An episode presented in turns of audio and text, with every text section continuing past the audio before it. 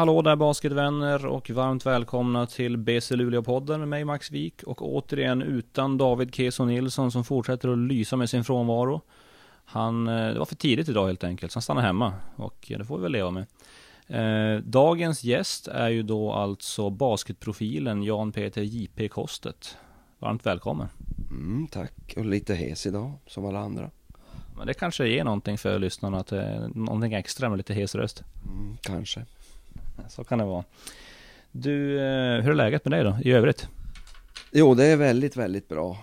En härlig period med mycket basket och eh, ja, mycket tid för både idrott och politik. Det är ganska härligt att vara basketintresserad i Luleå nu. Två lag som leder serien båda två. Ja, det är fantastiskt eh, roligt att vi håller ställningarna och ja, det är så mycket som är bra. Vi, jag var ner eh, förra helgen och tittade på Steelers matcher mot Alvik och mot AIK och då ser man ju verkligen skillnaden. Även om det nu är bara superettan så, så ser man ju vilka otroliga förutsättningar vi har i den här stan med, med hallarna, med hallen, med våran lea, med restaurangen, med allting runt omkring så att eh, vi kan inte annat än vara nöjda. Är vi bortskämda då? Nej, det tror jag inte för att jag tror att vi som har jobbat med idrotten och det gäller nog all idrott för även Coop Arena har ju fått ett otroligt lyft och Arkushallen finns ju kvar och det är nya konstgräsmattor på väg så att jag tror att det är många som tillsammans jobbar för att den här stan ska ha en levande idrott och eh, kanske för undantag av fotbollen en, en väldigt bra spets när det gäller då framförallt basket och ishockey. Jag tänkte vi skulle backa band lite grann som vi brukar göra i den här podden och snacka från början. Hur det gick till när du började engagera dig i basket egentligen. Kan du berätta för oss? Ja, jag hade ju jag egentligen då, som alla andra spelade ju fotboll fram till gymnasiet och spelade framförallt ishockey fram till jag var 21. Året när de slog ihop då Luleå SK och IFK Luleå till det som då blev Groko. Det var lite svårt att ta plats och så var jag nog ganska nöjd och skulle väl egentligen bli hockeytränare då i Sunderbyn, vilket vi hade nosat på lite grann. Men i samma veva så hade man startat ett flicklag i Sunderbyn via Gammelstads Basket, eller Gammelstads IF som det kanske hette på den tiden. Och eh, min syster var med där och tränaren dök aldrig upp. Och då säger hon, kan inte du komma och träna oss? Och då hade jag ju varit fotbollstränare för något tjejlag i fotboll. Så att, ja, då hamnade jag där och det var fjärde oktober 1976. Och sen dess har det bara rullat på. Och innan dess, vad var relationen till basket för dig då? Ja, egentligen via Jampa då, för jag gick ju också då på Stadsön och hade fått smaka lite på det. Men jag tyckte det var lite fjolligt med, med basket. Man fick ju inte ta i varandra. Men det kom ju en vändning då när de amerikanska spelarna kom. Joel Copeland och Charles Barton. Och då blev det liksom en annan, en annan stil på basketen. Jag har alltid haft en fascination för amerikansk idrott i USA. Och det var lite häftigt när, när Joel stod där och tuggade tuggummi och svettades. Och var svart och det var lite, lite inramning som attraherade tror jag faktiskt. Vad var eh, ditt första uppdrag? Eller hur fortsatte det sen? Du fick ett uppdrag som tränare där för ett damlag säger du. Vad hände sen då? Nej men sen då, eh, då körde jag väl det där laget ett år och det knackade väl på där. Men fick väl som någon, hade lite samarbete med Jampa och, och Jampa sa ganska snabbt att jag vet att jag bjöd in honom för att träna de här tjejerna vid ett tillfälle och sen åkte han hem till mig så där satt vi och fika och då säger han att det här ska ju ligga i eh, Sunderby Sportklubbs regi, det här ska inte vara i Gammelstans regi. Och då fick vi in det som en sektion i Sunderbyn då 1976. Och då fick vi som någon känsla att vi kanske ska ha några fler lag och starta upp. Så året efter så hade vi väl fyra lag tror jag. Och den stora förändringen blev ju då när jag skulle ut på någon slutövning, för jag låg i lumpen, och inse att någon måste ju träna de här lagen.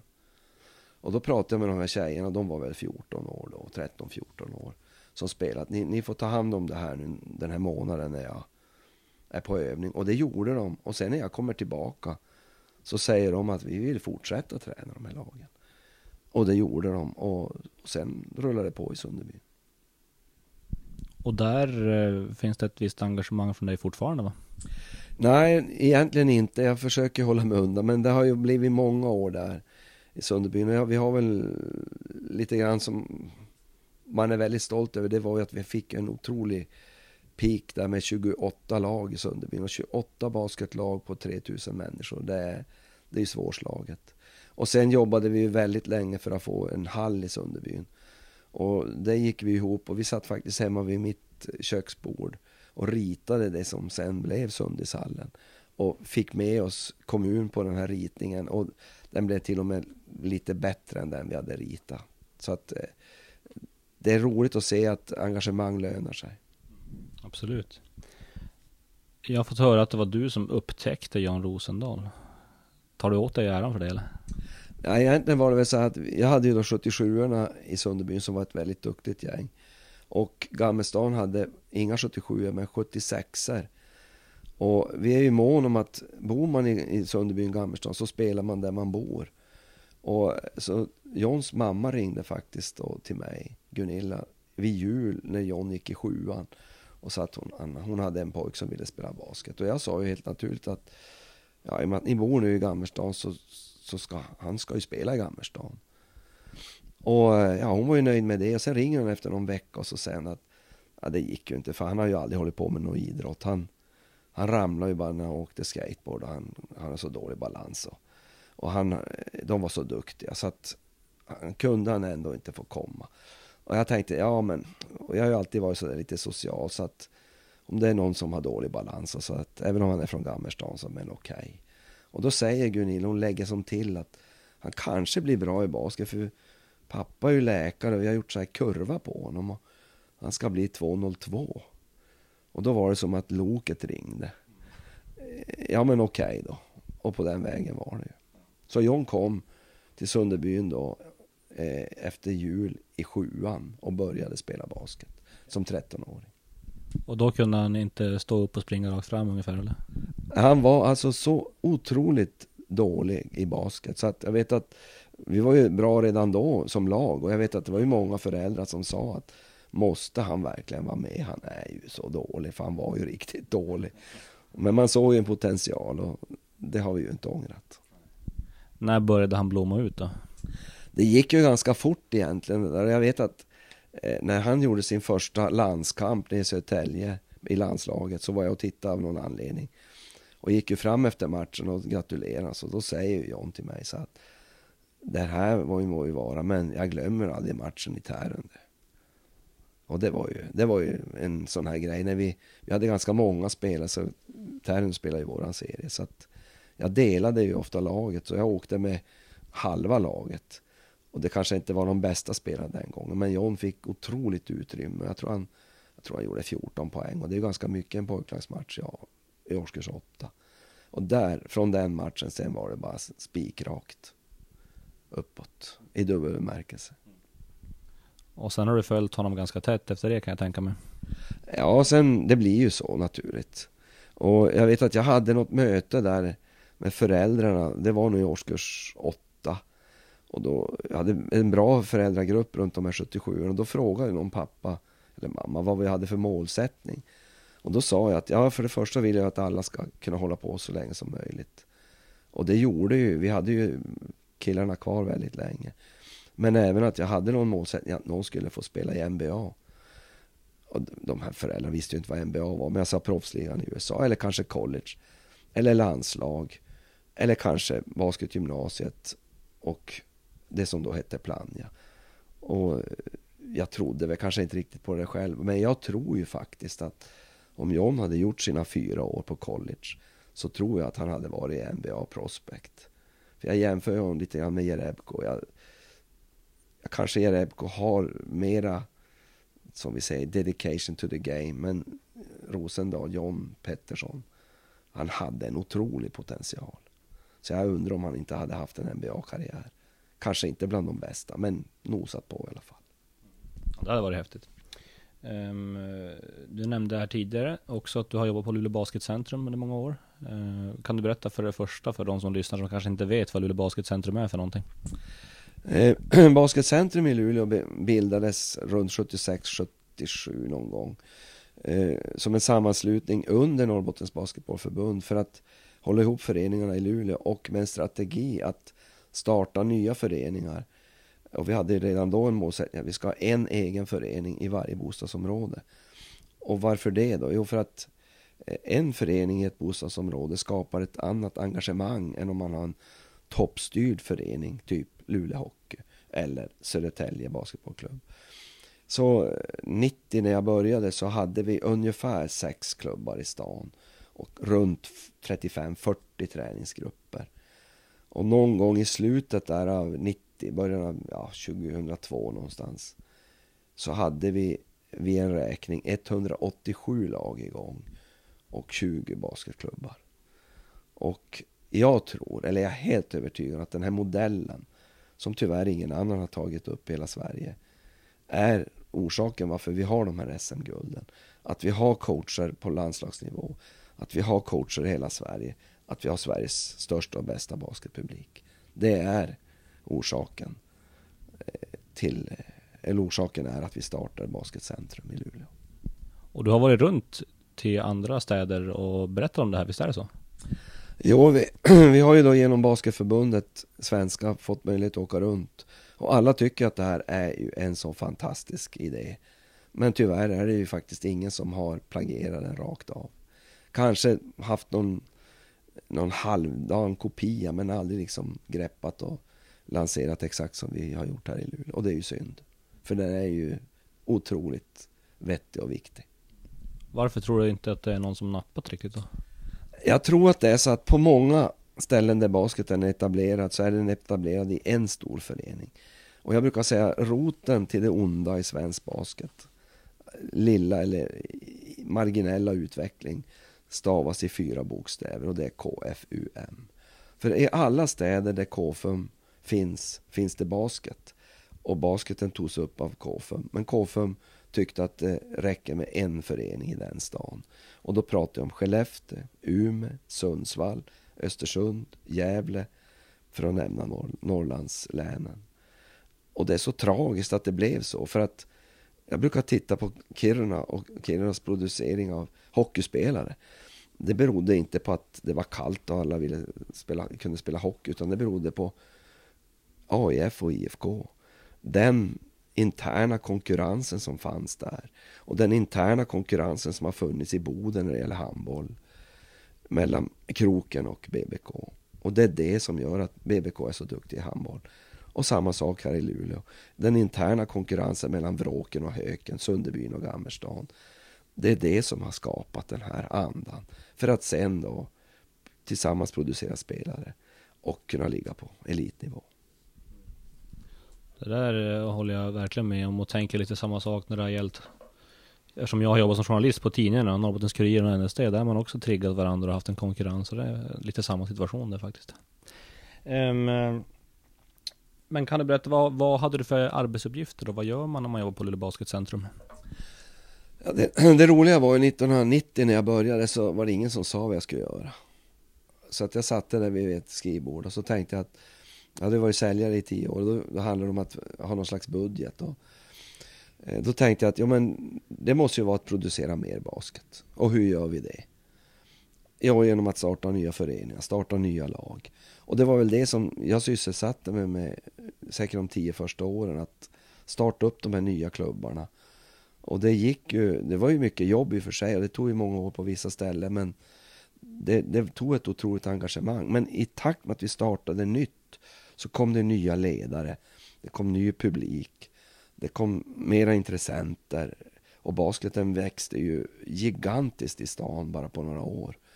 Hade vi gjort som KFUM, att man hade anställt mig som någon slags ungdomstränare för fem lag. Hade vi kanske fått upp kvaliteten och kanske tagit något SM-guld på ungdomssidan, men vi hade ju aldrig fått den här bredden. Så att jag tror att den satsningen var, var väldigt vettig. Nu jobbar man ju mera med en förvaltning då av Luleå Basketcentrum. Där Anna Lodén då jobbar med att bibehålla det vi har byggt upp och stötta det som finns och fortsätta mycket med rekrytering av nya spelare och viss mån ledare. Och under de här åren så har du jobbat tätt med vår klubbdirektör här i BC Luleå, dåvarande plan i basket, Lars Mosesson, stämmer det? Ja, vi, vi jobbar ju väldigt, väldigt mycket tillsammans. För vi, jag förstår ju, och han förstår ju att bredd ger elit och elit ger bredd. Vilket gjorde att vi hade ett otroligt bra samarbete. Där vi använde som man gör idag också, man använder spelarna ute på skolor och vi jobbar mycket med biljetter och många gånger så sa de att ni, ni skyfflade bara ut biljetter. Men fick man dit en åttaåring och som tittade på, på, på basket så var ju, han blev ju en potentiell basketspelare. Så att vi jobbade väldigt, väldigt mycket tillsammans, absolut. Med väldigt, väldigt stora framgångar. Hur är det att jobba tätt med honom? Det är underbart faktiskt. För Lasse är ju en sån här som säger vad han tycker. Och vi har ju höjt rösten många gånger mot varandra, men ofta har det ju varit sakfrågor. Och dagen efter så säger han, nu går vi och fikar. Så att, äh, det har varit fantastiskt intressant och roligt samarbete. Och du har också varit eh, en, en trygg röst för oss alla, eh, inte minst som speaker eh, i Pontushallen eh, genom åren. Eh, när började det egentligen? Det började nog faktiskt åren innan jag började jobba på, eh, Eh, på kansliet. För att jag och Lasse kände ju varandra redan tidigare. Och han hade ju då Höken i, i division 1, Hökens damer. Och han ville ha en speaker då i gamla Hermelinskolans gymnastiksal. Så där gjorde jag min speakerdebut. Och eh, tyckte att det var ganska kul. Och redan då hade man ju sett en hel del NBA-basket och förstått att man ska kanske leva med på ett annat sätt än vad man gör då, framförallt i fotboll. Och eh, sen blev det ju naturligt att jag tror att det var Åke Larsson som var speaker på Plannjas matcher. Och det blev ganska naturligt att jag hamnade där. Och under många år så var jag ju speaker både på damerna och herrarna. Och kände väl det på slutet, man blev ju ganska less på sig själv. Och nu är det en fantastisk situation när vi är flera som delar på de här uppgifterna. Och det känns ju jätteroligt att kunna sitta och titta på när Micke Romensari är speaker på, på eh, BC Luleås matcher. Härligt. Hur är det att sätta sig där för första gången inför, äh, i vissa fall, flera tusen åskådare? Ja, jag vet inte, för jag, hade ju, jag började frilansa på radion, eh, lokalradion redan 83. Så att eh, då fick jag ju höra att vissa sändningar en morgon, då hade vi alltså 35 000 lyssnare, även om man inte såg dem. Så att jag tror jag har ju aldrig varit rädd för mikrofonen på det sättet. Utan eh, det har nog bara varit en kick liksom. Jag kommer ihåg när vi var i ishallen i Delfinen och det var 7300. Men jag tror inte det är någon större skillnad än att vara på eh, i Hermelinskolans eh, gymnastiksal med 30 åskådare. Egentligen. Mikrofonen är där och jag pratar. Men det är, det är ju kul. Och framförallt jätteroligt att vi är flera som delar på det här nu. Och jag hoppas att vi skulle få in flera som vill köra det här för att eh, det utvecklar ju också. Har du några favoritminnen från att sitta där med mikrofonen? Nah, det är ju det är ju framförallt de här matcherna när vi har vunnit eh, de här stora eh, SM-gulden har ju alltid varit roligt i och för sig. Men sen är det vissa, vad ska jag säga, anekdoter liksom så här, när det händer roliga grejer och man har hört efteråt så har folk kunnat komma och berätta att jag kommer ihåg när du sa det och det. Och det är ingenting jag kommer ihåg. Att eh, små saker biter sig fast, det man säger. Och sen får man ju höra många gånger att vad kul att du är speaker och ja, det, det, det här triggar ju också lite grann. Var du, eh, jag kollade lite med Lasse inför den här podden för att försöka få lite kött på benen och sådär. Men eh, var du engagerad också i det här när basketligan grundades eh, och det var, någon, det var någon parad eller någon invigning eller liknande? Var du engagerad i det på något vis? Ja, framförallt så var vi ju, basketligan startade ju då i Globen, jag tror det var 92. Och då gick vi ihop med Norrbottens Basketbollförbund så vi hade ett eget tåg ner till Stockholm. Så jag tror vi hade fem vagnar och jag vet att vi sålde ju biljetter till Globen och då hade man en eh, man redovisade per klubb hur mycket man skulle sälja och det låter helt otroligt men vi sålde ju 500 biljetter till Globen till, i Luleå. Så vi hade ju ett chartat tåg ner med många ungdomslag som passade på att spela matcher. Jag kommer inte ihåg hur mycket folk det var i Globen men det kanske var en, kan det vara en 8, 7, 8, 9 tusen. Och bland annat då 500 norrbottningar. Det, och det var ju riktigt stort. Och där var jag ju med då i i den planeringen, både lokalt här med att sälja biljetter, ha tåget ner, men även då i Globen hur man skulle lägga upp det. För vi spelade ju två matcher parallellt. Så det var ju en, och sen körde vi även året efter. Och då var jag väl kanske inte lika engagerad, men det var, det var en härlig kick-off för ligan. Det känns ju nästan overkligt att ha ett sånt stort intresse för basketliga basket i Stockholm där de inte ens har några ligalag nu. Ja men det var någonting då och det finns ju ett är ju ett stort intresse av basket. Jag har alltid varit i Stockholm. Det, jag sitter ju och funderar många gånger på varför man inte får ihop det. Nu var jag som jag sa och tittade på Steelers matcher då i helgen mot Alvik och jag räknar till 35 åskådare. Eh, AIK i Solnahallen 85 åskådare och så ser man hyreshusen utanför. Alltså en kilometers radie borde ju mer folk än hela Luleå. Men det är någonting, det är svårt alltså. Och varför man inte har lyckats, det, jag förstår det inte riktigt. Medan då, eh, vi vet också att hockeyn har ju haft det svårt. Man har ju hoppat av från Globen för många, många år sedan för man fyllde inte Globen och det var för dyrt. Man spelade på Johanneshov. Och har, många gånger har ju, de har inte mer än 7-8 tusen som hockeylag där. Däremot går det ju lite bättre för fotbollen. Framförallt Hammarby har ju oftast väldigt mycket åskådare. För det finns ju ändå ett underlag. Det är många ungdomar och det är en stor ungdomsidrott basket i Stockholm. Visst är det väl så? Den är ju väldigt stor. Jag tror att det är nog... Jag tror att det är, det är fotbollen som är större. Sen tror jag att basketen är god tvåa. Men det är någonting som man inte får ihop riktigt där. Och svårt att sätta fingrar på det. Exakt vad det beror på. Om vi återgår lite till din eh, radiokarriär där som du berättade. Kan du säga lite mer och, och ge oss lite mer uh, info om, om uh, hur mycket du jobbar med radio och varför och hur? Ja, det var väl 83 så börjar man ju, eller något år till, så börjar man med en kvarts sportsändningar på söndag eftermiddagarna, söndag kvällen. Och då ville man ha, då hade jag någon kontakt där med någon som hade varit hockeyledare för mig för hundra år sedan. Som frågade bara om jag var intresserad och jag tyckte det var lite kul. För jag har ju alltid varit fascinerad av radio och kanske mycket av ja, amerikansk radio och så här. Man tycker att, tycker att Norrbottens radio var ganska dålig. Så då hamnade jag där och tyckte det var jättekul. Och sen körde vi de här söndagsprogrammen då fram till när vi fick helt egna sändningar. Och 1990 när jag började på kansliet så fick jag in en klausul då i min, min anställning att jag skulle få jobba på radion. Så under många år så körde jag en morgonsändning mellan, nio, eller mellan och 9, En dag i veckan. Och något år så körde jag även en eh, middagssändning mellan 9 och 11, 9 och 12. Så att eh, mellan 90 och 2005 så jobbade jag ja, oftast ett pass i veckan på radion parallellt med basketjobbet. Och det, var, det gjorde ju också att det lilla man tjänade på att jobba på basketen kompenserades liksom med de enorma inkomsterna man hade från radion. Ja, det förstår jag. Förstår jag. Um, vad är det största du har varit med om när det gäller basket i stort då?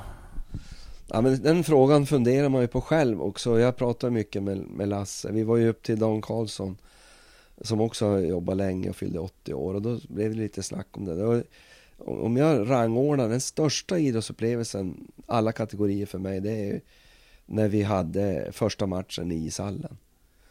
När eh, Kvarnby kommer upp och Kvarnby var ju nya, notorisk sist, totalt värdelösa. Och vi hade en eh, Davis Cup-match i tennis som skulle gå i, i Pontushallen. Och vi var tvungna att hitta någonstans att spela. Och vi åkte, jag och Lasse åkte och tittade på ishallen och tänkte att här kunde vi kanske spela. Men då hade de ju den här klockan. De hade ju ingen jumbotron som man säger i taket. Men en klocka och den var i vägen. Och så gick vi då till Utta Eriksson som var fritidschef och så sa vi att vi funderade på om vi kunde spela matchen här i, i, eh, i ishallen för det är ju Davis Cup och det var ju roligt. Men klockan är i vägen. Då sa Utta bara vi tar bort klockan. Och sen rullade det på. Och den matchen som faktiskt var utsåld. Det var alltså ett par, tre hundra som fick gå hem. Det, det, det är det häftigaste minnet, för man trodde ju inte att det var sant. Från att ha ja, 15-1600 i, i Pontushallen till att ha, jag tror ändå inte att det var mer än kanske 5000 i, i ishallen. Men vi hade ju inte preparerat med läktare förberett oss. Att det var ju total kaos. Men roligt var det. Var det här alltså en slutspelsmatch eller var det en eh, grundserie? Eller? Det var bara en vanlig grundseriematch i januari, februari. Och det berodde ju på att Davis Cup skulle ju spelas i Luleå. Och man la in ett nytt golv och embarkerade i Pontus A-hallen i två veckors tid. Och vi tittade ju på alternativ med, med Boden, med Piteå och med så vidare. Men vi hade ju sålt årskort och så här. Så att vi, eh, nej, det var liksom enda alternativet. Och då hade vi bra tid så vi sålde biljetter. Och då vet jag att vi sålde, vi sålde faktiskt alla biljetterna. Det var inte så att vi delade ut gratisbiljetter. Och jag vet att Quantum köpte ju, man säger att de köpte kanske 500 biljetter för 10 kronor styck. Och så delade de ut det till sina kunder. Men man visste ju inte hur många kommer. Eh, och jag vet, eh, jag fick ett samtal när vi, precis innan matchen från Arvidsjaur. Ringer de. Ja, vi, vi sitter i en buss från Arvidsjaur. Hur är det? kan vi köpa biljetter när vi kommer? Och jag bara, ja men självklart. De höll ju inte på att komma in. För det var ju fullt. Ja, det var en fantastisk tillställning. En ordinarie match. Och jag vet han som jobbade i Karlby, han skickade ett fax på den tiden. Tack för att vi fick vara med. Det var helt fantastiskt. Och det var det för alla. Vilken säsong var det här då? Ja, det måste ha varit någon av de där första åren. Ja, vad kan det ha varit? Eh, 90 97 var det då vi tog första SM-guldet. Kan det ha varit 95, 96 kanske. Året, något år innan vi etablerade oss i ishallen. Och det, var det ett enkelt beslut sen då för er när ni, när ni väl beslutade er att, att det skulle bli eh, ja, Delfinen då som blev ny hall? Ja, vi såg ju att det fanns ju en potential där och det gick ju. Då eh, tog vi upp ett golv från södra Sverige och la in det till den här matchen. Och så fick vi korgar, jag tror vi lånade korgar från Pite kommun. Och nu är jag inte insatt i allting för vi hade ju Lasse Sandström som på den tiden jobbade mycket med evenemang då på Luleå kommun. Och han drog ju det tung, tunga lasset med hela det här eh, jobbet med att lägga in och ta ut. Och sen vet jag att jag, vi var i ishallen i tre år och jag var med de första åren. Och tredje året så säger han ju att nu, nu behöver inte du vara med någon mer. Och det var ganska skönt att gå och lägga sig direkt efter matchen. För det var ju ett otroligt slit med det här. Och dessutom spelade vi Europacupen så att jag tror att eh, två av de här åren, jag tror att vi spelade säkert uppåt 20-25 matcher i ishallen per år. Och det var ju in och ut varje gång. Men det är väl så att eh, publikrekordet för ligan har slagits där inne i Delfinen eller Coop Arena? Ja, vi hade ju den officiella publiksiffran som vi fick ta in var ju 7 och 3. Och eh, jag vet att Lasse ringde ju mig eh, strax innan någon av de där matcherna och sa att eh, jag måste ordna en biljett till. Och jag sa, vi har inga biljetter. Men, ja men ta med en stol från kansliet och sätt den vid sargkanten. Och jag tror att det blev så.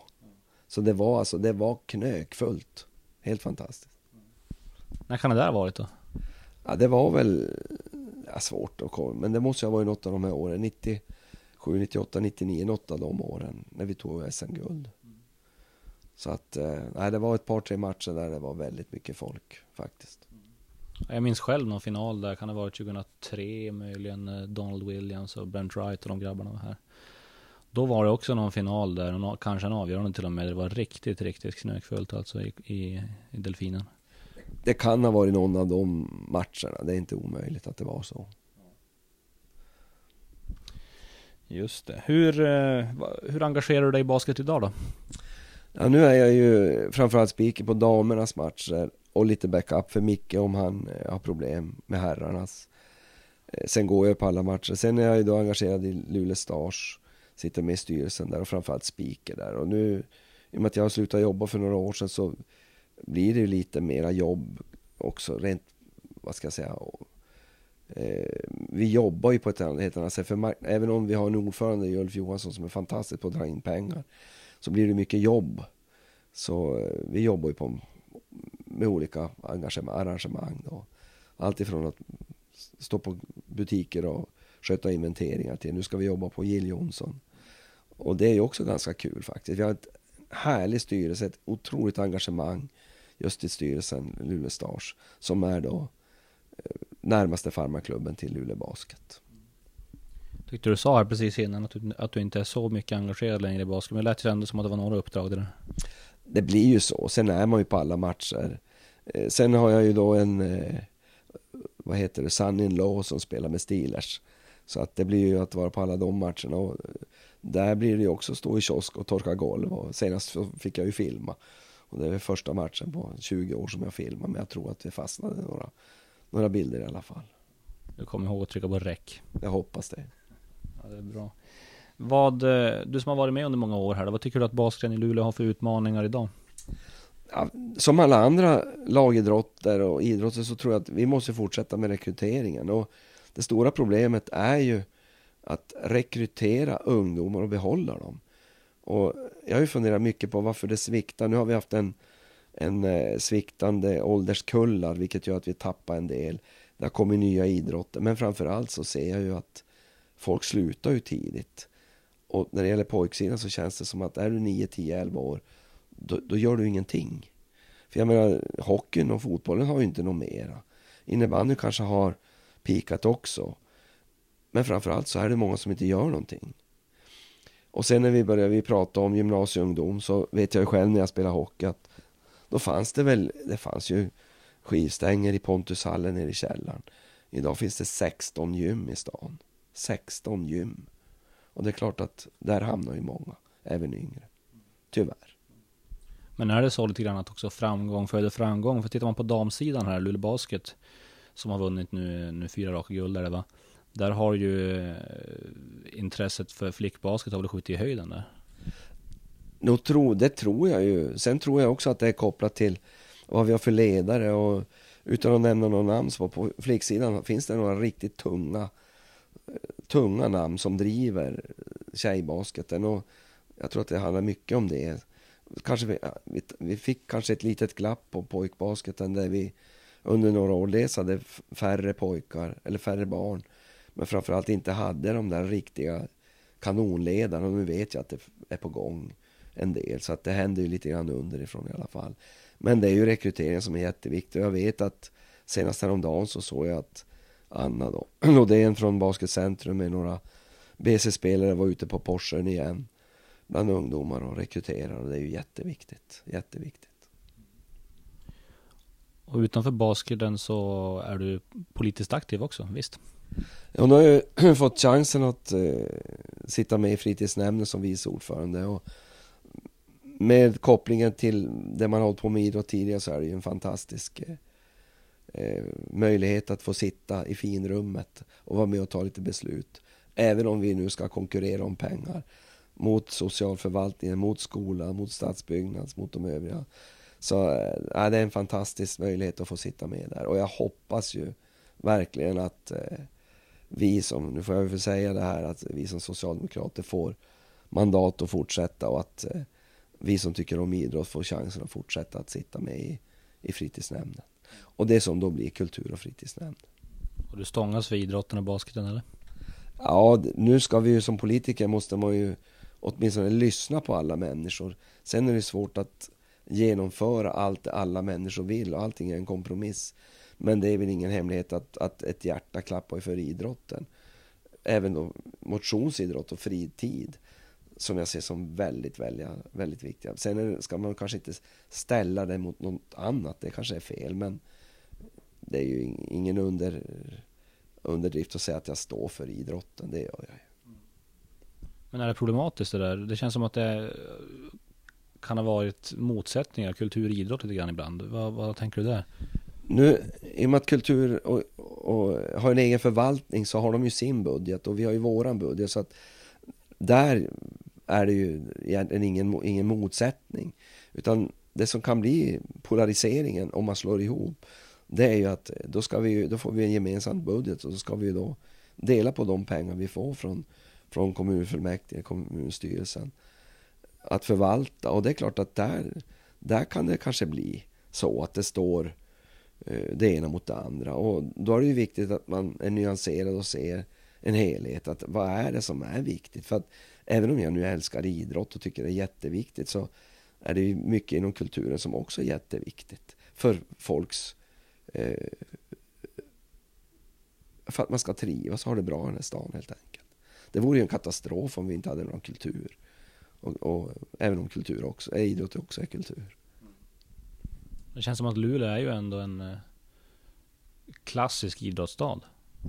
Ja visst är det det. Det är ju ett, eh, vad man brukar säga, Luleå är ju i grunden ett bruks, en bruksort. Och det är så roligt att jämföra med Kalix som är en, verkligen är en bruksort. Nu har det väl eh, vänt lite grann i och med att vi har fått lite high tech via Facebookhallar och hela den delen. Universitetet gör ju också att det blir lite annorlunda men det finns ju ett otroligt idrottsintresse i den här stan. Jag var på hockey förra veckan och man är fascineras över alltså folks otroliga engagemang med tröjor och eh, halsdukar och de som står på hemmaklacken. Alltså det är helt fantastiskt. Och även våran basketpublik är helt fantastiskt kunnig. Ja, det är otroligt intressant. Det känns ändå som att det finns någon koppling via det här att det är en stålstad, mycket arbetare och hela den biten och, och man står upp för sitt lag och hela den biten. Vad, vad, tror du om det? Jag ser ju det som är intressant när man är på hockey så ser jag ju att det är ju en speciell hockeypublik. Det är ju inte samma publik som är på basket. Och det understryker ju ännu bättre hur viktigt det här är att vi, att vi är breda. Jag ska inte säga att om man går på fotboll så kanske lite mera hockeypublik som är på fotboll men man skulle ju också unna fotbollen framgångar i och med att det är en världssport. För hade man varit där så hade de också kanske haft några tusen på, på läktarna och kunna fylla sommartillvaron eh, med bra idrott. Tyvärr så, så, så, blev det ju ett snäpp ner nu för fotbollen. Men visst är Luleå en fantastisk idrottsstad. Då räknar man per capita så många som går på idrott en kväll i veckan så är det helt otroligt på sven med svenska mått mätt. Har du någon teori till varför, varför Luleåborna bryr sig så mycket om sin idrott? Ja, jag vet inte. Jag, för det första så är vi ju duktiga. Jag kommer ihåg när jag själv spelade hockey. Det var ju mycket folk på hockey, men det var inte de här siffrorna. Men hockeyn har etablerat sig, har varit med nu i högsta serien i många, många år och tog ett, ett välförtjänt SM-guld. Det gör ju att, att folk hänger på. Basketen är ju inne på, jag ser det, det är ju tredje generationens publik som sitter på läktarna. Och jag är tillbaka till det här att eh, kanske lite svårt att förstå egentligen med hockey, men hockeyn har ju då tv-tid under alla år. Vi har ett landslag som har vunnit, som är med i OS och VM hela tiden. Basketen i Luleå bygger sin publik på att ens flicka har spelat, ett, ens barnbarn spelar. Jag har varit ledare, jag har varit spelare. Och det är de människorna till stor del vi hittar på läktarna på basketen. Medan hockeypubliken är ju sådana som har... Få har ju spelat själv. De flesta har fått hockeyn via sina landslag och tv-tid. Tror du det hade funnits plats för, låt oss säga då, ett IFK Luleå i Superettan Allsvenskan? Alltså, när det gäller sponsorkakan så tror jag att det, det, det blir ju lite tuffare för att det är inte så mycket pengar att dela på. Speciellt när, när intäktssidan för framförallt Luleå Hockey har ökat så otroligt. Och det har ju kopplingen med löner och sådana här saker att göra. Så att det är frågan om det finns ett, ett utrymme för ett superettalag i fotboll rent sponsormässigt. Men eh, publikmässigt, för man, man konkurrerar ju inte om publiken på det sättet. Utan jag skulle gärna gå och se en fotbollsmatch i superettan mitt i sommaren. Det skulle vara trevligt. Det håller jag med om. Ja, tack så mycket JP. Jag är nöjd sådär. Uh, har du någonting mer som du känner att du inte har fått uh, ventilera som du vill tillägga? Ganska skönt att intervjun är slut i och med att rösten inte bär något mer. Men var roligt att vara med i alla fall. Ja, du får gå hem och kurera rösten. Då tackar vi JP, vi tackar alla som lyssnat och så säger vi på återhörande. Hej!